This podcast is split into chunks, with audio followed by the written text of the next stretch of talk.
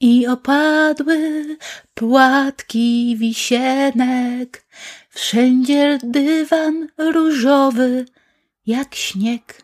Nie, wszędzie dywan jak śnieg, tylko różowy. Czołóweczka! Gdzieś niedaleko pod Dublinem mieści się mała ambasada optymizmu i radości. Nazywa się, jak wiesz, komunikulum. Kiedy tylko zechcesz, możesz czerpać z niej pomysły na lepsze jutro.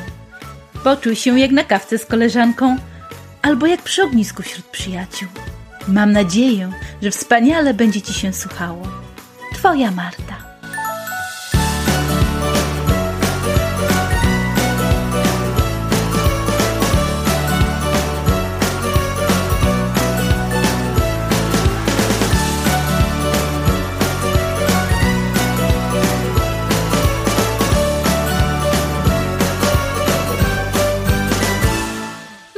Właśnie.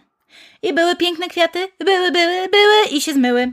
Były i się zmyły i specjalnie pojechałam do tego samego parku, co ostatnio, zobaczyć, jak w tym parku posypały się płatki wisienek, dlatego że tutaj w osiedlowych ym, ogrodach wszyscy ci, co mieli wisienki pojedyncze, to one się tak obsypały te drzewa, słuchajcie, że na chodnikach zrobiło się pewnego dnia od wichury różowo, różowo i miękko od płatków. I ja się zastanawiałam, jak wygląda ten park. Słuchajcie, który ostatnio widzieliście może na moich e, storiesach, czy gdzieś, gdzie e, dawałam te zdjęcia. Jak wygląda ten park wiś wiśniowy, wisienkowy, w których opadły właśnie płatki wiśni. I byłam, widziałam, poprzyklejały mi się te płatki do butów i powiem wam, że to jest takie niesamowite umieć cieszyć się z takich najdrobniejszych rzeczy, że o ja, ale nasypało, to wygląda jak różowy śnieg, całe, cała piękna połać trawy, tego trawnika, który tam jest, po prostu różowiutka, mięciutka, jeszcze rosa taka na tym, bo byliśmy zaraz może, może bardziej po deszczu niż, niż ros... Chociaż nie, to była rosa, słuchajcie, bo u nas przymrozki były, więc taki roz, um, odtajający przymrozek, o tak bym powiedziała. I te liście jeszcze takie, te płateczki jeszcze takie z rosą, z kropelkami. I ja tak sobie chodziłam, tak brodziłam sobie, słuchajcie, w tych różowych płateczkach. I podniosłam głowę do góry. I te stare już, ale bardzo obfite pąśni, tak kapiące dosłownie nad tobą. I nie trzeba dużo, żeby poczuć chwilę, chwilę szczęścia. Wystarczy rozejrzeć się dookoła i podnieść głowę do góry. I tak brodząc sobie przez ten park, doszliśmy do miejsca, w którym ganiały się wiewiórki. Ganiały się wiewiórki, słuchajcie, ale tak się cwaniale ganiały. Oczywiście nie szło tego nagrać, no bo wiecie, jak jest ze zwierzętami ruchliwymi. Raz, że może nagrasz, ale będą takie małe kropki, których nie będzie widać w ogóle zupełnie i nie będzie jak się podzielić tym. E, dwa, że musiałabym mieć naprawdę lustrzankę taką e, makro, która by przy... No, nie makro, jak on się... No to wiecie, taką lustrzankę, którą się e, przybliża te zwierzątka tak, że, że, że je widać. A i tak pewnie bym nie nadążała z obrazem. A trzy, po co? Wiecie, oduczam się czasami takiego e, nagłego wyjmowania telefonu i, ko, i e, robienia tych chwil tu i teraz, dlatego że e, są, są wypady i momenty w życiu, których naprawdę nie muszę uwieczniać. Chociaż miałam kiedyś takie lęki, że jak, o, jak nie zrobię, to, e, to to kurczę, to jak to y, nie zapamiętam. Miałam takie momenty w życiu, że myślałam, że ja muszę uwiecznić wiele tych pięknych chwil tylko po to właśnie, żeby je zapamiętać, że moja pamięć już jest coraz bardziej ulotna i boję się tej takiej kurczę demencji starczej, a tak będzie ujęte na zdjęciu. Ale teraz już, już troszeczkę odchodzę od tego i może przez to, że właśnie siedzę całymi dniami w komputerze, to też cieszę się tą chwilą, kiedy ja mogę e, mieć sprzęt pozamykany, powyłączany i po prostu patrzeć się w tą przyrodę, w, tą, w, te, w to wszystko, co mnie otacza i cieszyć tą chwilą i ewentualnie opowiedzieć o tym później w podcaście, tak jak czynię to teraz. Więc jak już się wiejury poganiały, to um, szpiegował nas Rudzik. Taki, e, wiecie, taki ptaszek rodowy, bo e, ja nazwisko mam szalenie podobne, rodowe moje. E, I Rudzik nas szpiegował i rudziki są takie fajne. Kiedyś nie wiem, czy to jest prawda, bo oczywiście ja jak coś usłyszę od mądrej osoby, to ja tego nie sprawdzam, ja taka jestem.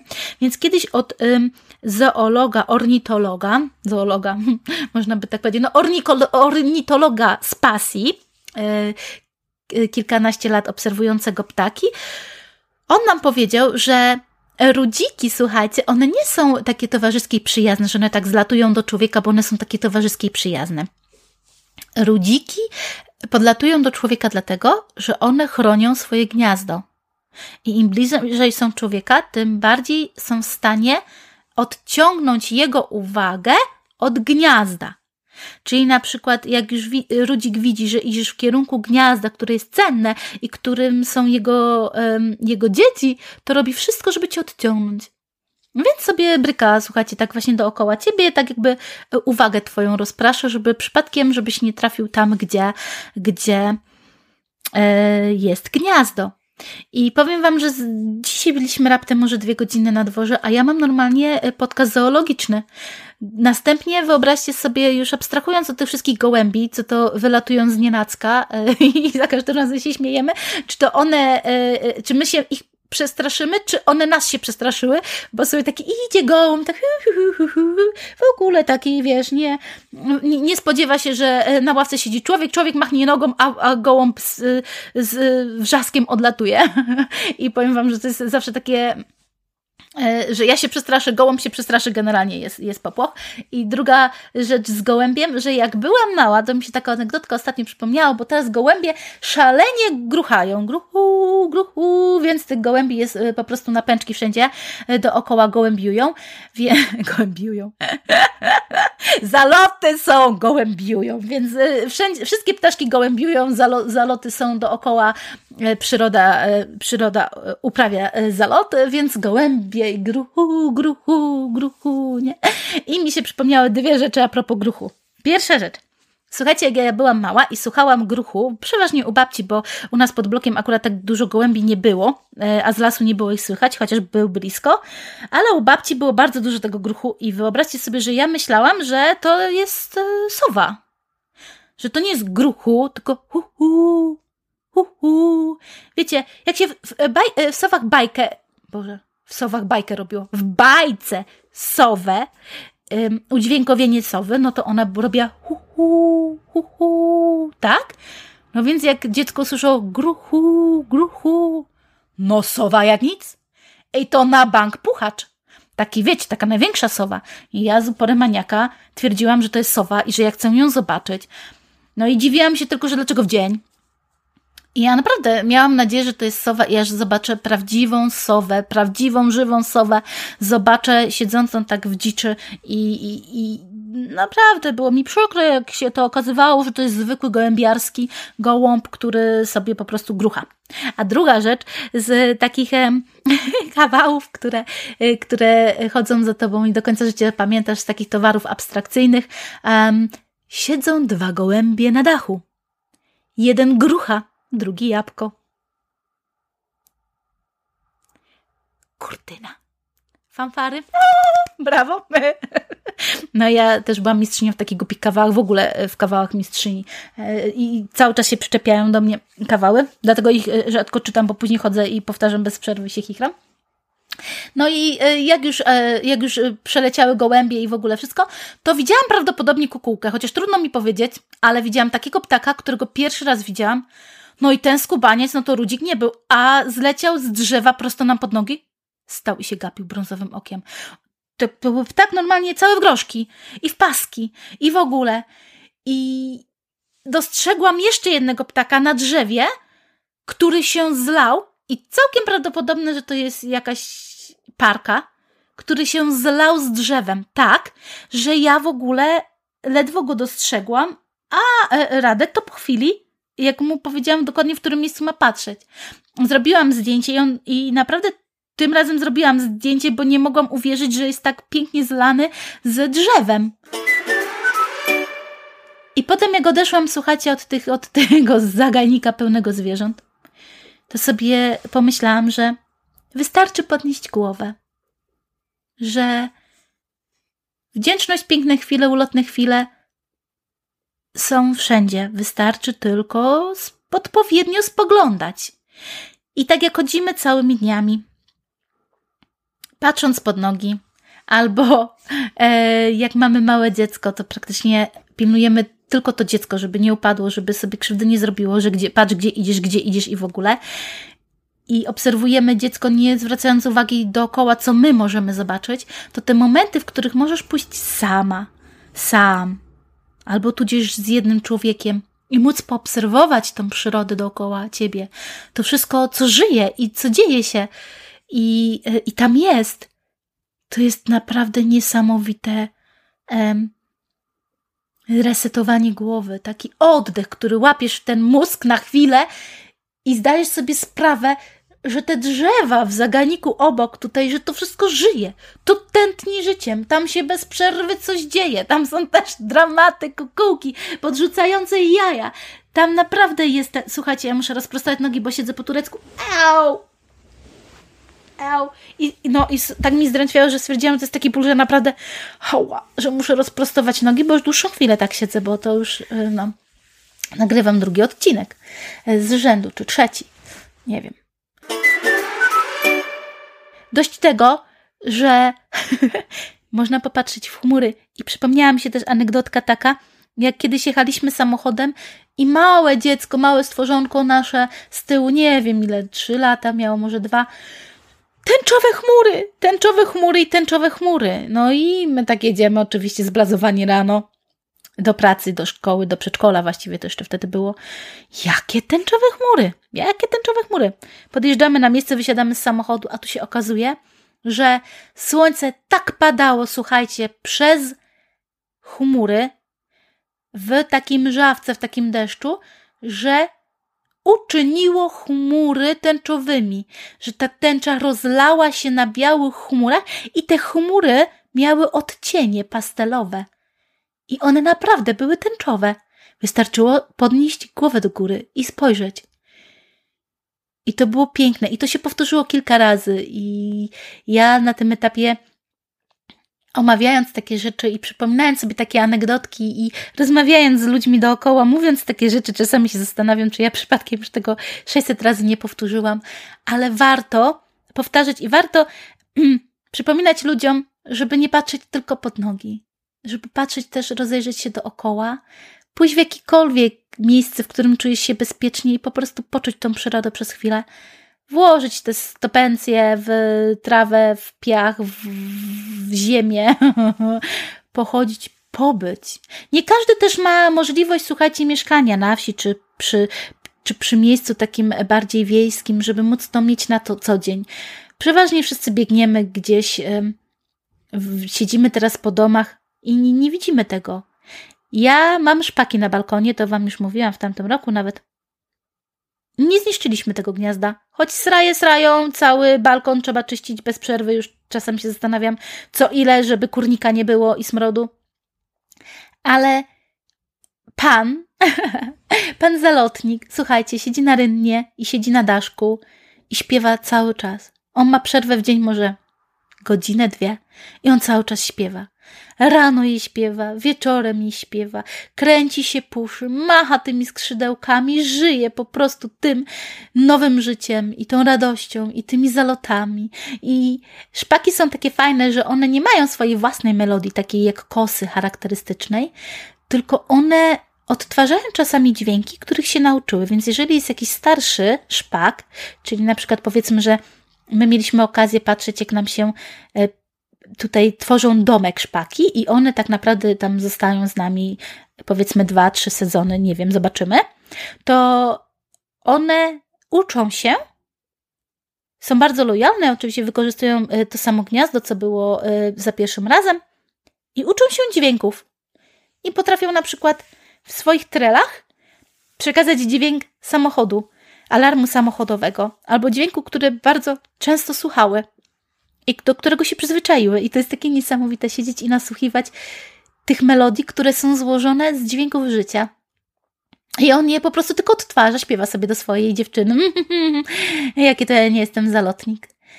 No i też mieliśmy okazję obserwować y, w Parku Róż bez róż. Jeszcze nie ma róż w parku róż. Są na razie tylko krzaki i są pięknie poozdabiane um, ogrody innymi, przeplatane innymi kwiatami, które aktualnie teraz kwitną. Więc jak wchodzisz do ogrodów, to zawsze jest coś, co kwitnie i, i pięknie jest to poprzeplatane. Ale tam mieliśmy okazję obserwować kosa, prawdziwego, przepięknego kosa, który wyczyniał trele, bo nie było ludzi. I ten moment, w którym siedzisz w parku pod Dublinem, to jest jeszcze Dublin, od centrum 3 kilometry chyba? Od stolicy. Siedzisz w parku, nie ma ludzi. Jak są psy, to tak jak wam opowiadałam, psy, psy tutaj nie szczekają. One sobie po prostu są, biegają sobie. Nie mają potrzeby, żeby szczekać na ludzi, bać się ludzi. Bawią się po prostu. Pojedyncze osoby przebiegną, pojedyncze osoby przejdą. Jest godzina 9.30 rano, a ty możesz sobie usiąść i obserwować, jak śpiewa kos. Jak trele z siebie wydobywa. A na samym końcu tej mojej zoologicznej historii o uważności, jak jechaliśmy już do domu, to wzdłuż ulicy biegły dwa lisy, które właśnie pomiędzy parkami najprawdopodobniej przeleciały z największego tutaj w, w, Irland w Dublinie parku, w Phoenix Parku, do właśnie tego parku, w którym my byliśmy, w Memorial Parku i nie mogły się dostać na tą drugą stronę, do tych zagajników właśnie w tym drugim parku i biegły wzdłuż ulicy. I e, to nie zawsze kończy się oczywiście dobrze, bo, bo te biedne liski też potrafią e, się zakręcić, ale fakt, że widzisz zdrowego, dużego lisa, dwa lisy biegnące, to, to był efekt wow. Rzadko je widujemy, ale to był, to był efekt wow.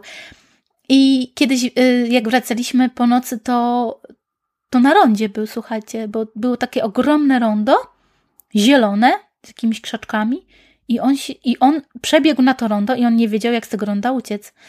Oczywiście to była głęboka noc, bo wracaliśmy z koncertu, więc myślę, że jak my przyjechaliśmy i później długo, długo nikt, to on się w końcu dostał do bezpiecznego miejsca zagajnika. To jest o tyle smutne, że te zwierzęta tutaj naprawdę miały, miały połacie zieleni. To było tak gęsto, to były same zagajniki. To towarzystwo miało gdzie żyć i my tak naprawdę wybudowaliśmy w ich domu nasze domy. E, I tak naprawdę one próbują się asymilować z nami, adaptować do tego wszystkiego, i mamy te wszystkie szpaki, lisy na ulicy, czy te wszystkie y, wiewiórki na, na, na chodnikach, czy kosy, które się nie boją i ci po prostu śpiewają, bo się przyzwyczaiły do ludzi, że ludzie tam są. I to jest piękne. Póki nie robić im krzywdy, póki tak naprawdę y, umiesz się nimi zająć, robisz oczka wodne, miejsca, w których mogą sobie szaleć, nie niszczysz tych wszystkich mm, gniazd i tego wszystkiego, co tak naprawdę stworzyły i próbujesz y, dbać o nich w jakikolwiek sposób, no to póki tak jest, póki jest ten balans, to jest dobrze. I można po prostu podnieść właśnie głowę do góry, zaczerpnąć powietrza, usiąść na chwilę, popatrzeć, wyciszyć się, zapomnieć. I tego Wam życzę. I tego Wam życzę, żebyście właśnie mieli ten czas w tygodniu, w którym naprawdę możecie pobyć chwilę w naturze, gdziekolwiek, w najbliższej zaganiku, w najbliższej wiosce, przejść się po prostu gdzieś pomiędzy polami i, i odetchnąć. Nie każdy, nie każdy ma taką możliwość, ale też nie każdy sobie daje takie przyzwolenie. I też znam osoby, które po prostu zwyczajnie wolą przesiedzieć ten czas w domu i w smutku. Nie, jakby ja na sobie sprawdziłam, że jak już naprawdę jest mi źle, to brakuje mi świeżego powietrza właśnie i tego towarzystwa natury i tej możliwości spojrzenia w normalny, żywy, żywą zieleń. I jak to uzupełnię w swoim organizmie, tak już później jest dobrze. Czyli brakuje mi takiej styczności z natury, która właśnie uspokaja najbardziej mojemu nad, y, nadjeziornemu mężu na przykład brakuje wody i on jak, jak ciągnie to, to właśnie gdzieś nad wodę i do tych parków, w których płynie rzeka Lifi, tutaj w okolicy, albo w miejsce, gdzie może zobaczyć spokój wody, bo całe życie y, spędził nad jeziorem, mieszkając nad jeziorem i jak mu brakuje, to mu brakuje właśnie takiego wyciszenia. I za to też dziękuję i to jest właśnie kolejna rzecz, za którą warto dziękować, że, że mój mąż wychował się praktycznie e, właśnie wśród piękności jezior i piękności przyrody, w miejscu szalenie czystym, w perle, w perle, że tak powiem. I pomimo tylu lat i upływu lat i tego, tej takiej biegu tego, to on najlepiej odpoczywa właśnie w przyrodzie i on mnie zawsze ciągnie. Jak już mi się nie chce, jak już, wiecie, ja, ja zawsze mam największy problem z wyjściem z domu.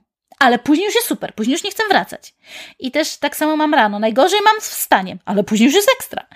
Więc cieszę się, że mam kogoś, kto mnie dopinguje właśnie w tym wychodzeniu do przyrody i czerpaniu, ładowaniu baterii w terenie, w przyrodzie i że mam kogoś, z kim mogę zwiedzać, kto uwielbia zwiedzać, uwielbia się ruszać i dla którego ukochanym sportem jest po prostu wędrówkowanie i łazikowanie.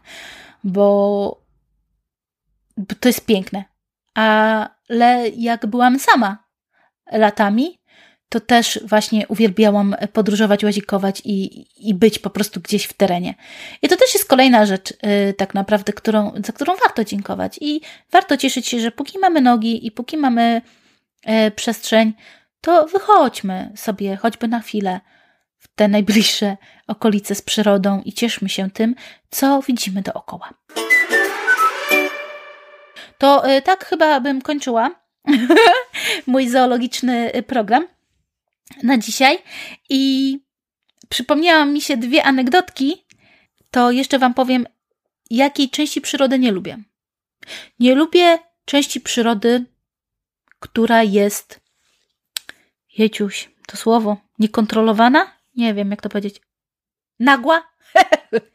nie lubię, nie lubię czegoś, co mi na co nie jestem przyszykowana. Czyli na przykład, już Wam mówię dokładnie, nie przepadam za żabami. Uwaga, wysoki sądzie, nie przepadam za żabami. Tak jak pająki jeszcze zniesę, tak na przykład żaby nie lubię o tyle, że po prostu zwyczajnie się przestraszyłam kilkukrotnie i ja się ich boję. Ja wiem, że one mi nie zrobią nic. Ja wiem, że to jest płaz. I ja to wiem.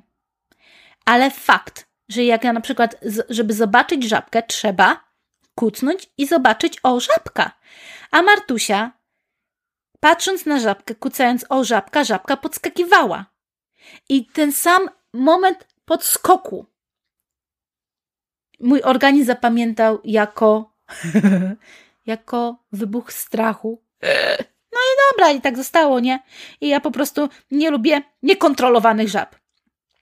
Ale był moment, kiedy ja się przyzwyczajałam do żab i szanuję i, i dziękuję osobom, które mnie to nauczyły, y, czytaj mój braciszek, jak na działce były maleńkie żabeczki i je się po prostu ratowało, żeby nikt ich nie rozjechał i nikt krzywdy im nie zrobił. I te malutkie właśnie żabencje tak naprawdę ym, się zbierało, troszczyło się o nie, bo żaby są szalenie pożyteczne i, i są bardzo, bardzo ważne ym, w ogrodach i wyobraźcie sobie, że jak miałam taką maleńcią żabeczkę, taką małą, nie tę, tę ropuchę taką, którą jak spotkasz wyrywając chwasty, to aż po prostu potrafiłam usiąść, jak, jak spotkałam taką siedzącą żabę, taką już nawet nie skaczącą, bo ona była taka wielka, to y, jak pieliłam ogródek, to po prostu potrafiłam naprawdę odskoczyć jak ta żaba na jej widok. Tylko właśnie te maleńcie żabeńki, takie słodkie, takie co trzymają się nawet 3-4 możesz trzymać w dłoni. To, to to jakby odczarowało te żaby. Ale powiem Wam, że tutaj mieszkając e, w okolicach Dublina, ja nie miałam do czynienia z muchami przez naście lat. U nas nie ma much. U nas nie ma much, nie miałam much, na poprzednich mieszkaniach, bo, bo nie wiem. Po prostu nie ma takiego wysypu much jak w Polsce, gdzie tylko się cieplej robiło, już wszystko bzykało. I bzyczące muchy to jest po prostu moja zmora. Jak ja nie lubię tych much, co się obijają o szyby i bzyczą, i budzą cię, i dręczą, i, i w, w, gdzieś obijają. Nie, nie, po prostu muchy Ojeju, naprawdę wolę pająki. I śmiejemy się z moją córcią, bo ona nieprzyzwyczajona do insektów, słuchajcie, do much, komarów i tego wszystkiego e, wariactwa, no tyle tylko co na wakacje, to jak za to pająków u nas jest masa i to takich dużych kątników, co wyglądają jak tarantulki. Ja ją nauczyłam nie bać się pająka w ten sposób, że po pierwsze, ja się nie bałam go na tyle, żeby zarazić dziecko arachnofobią, bo nigdy nie miałam tej choroby, ale nauczyłam ją, że pająki jedzą muchy. Pająki jedzą muchy i dzięki temu, że mamy pająki, to nie mamy tych much i tych innych insektów i e, tego wszystkiego, co fruwa. Więc na widok pająka nie panikujemy. Jest, niech sobie żyje. I tak tu wiecznie pada, więc jak jest jakiś zabobon typu, jak zabijesz pająka, to będzie padało, to w sumie tutaj to i tak pada, jeżeli ma padać generalnie. Więc yy, powiem Wam, że pająków się nie boję, ale muchy mnie obrzydzają. I anegdotka jest taka, że kiedyś była taka mucha wielka z kupy, taka wielka mucha tłusta, i my ją e, na stacji pokonałyśmy.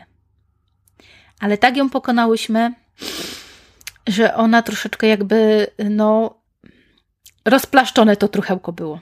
I trzeba było zrobić coś z tym truchełkiem, bo sobie dziewczyny wymyśliły, że to przecież, no, że, że ble. No, już nie będę w szczegóły wchodzić. Ale co wymyśliłyśmy? Otworzyłyśmy okno, położyłyśmy na papierze tą muchę za oknem w kamienicy i podpaliłyśmy. Ha! Takie mądre dwudziestki. Podpaliły muchę na parapecie.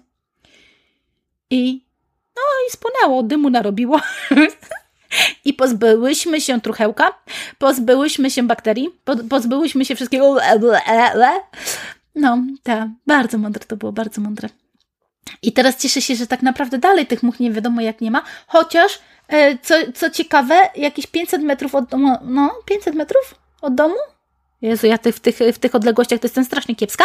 Jest owczarnia. No i teoretycznie, gdybyśmy mieli mieć insekty i muchy, no to byśmy je mieli. A nie mamy. A mamy owieczki. Jak, jak e, jest e, poranek taki cichy, wakacje to, i otwarte okna, to słuchaj, me. Więc generalnie dobrze jest. Na wsi mieszkamy, a much nie mamy, nie? No popatrzcie, jakie, jakie takie, takie szczęściary, nie?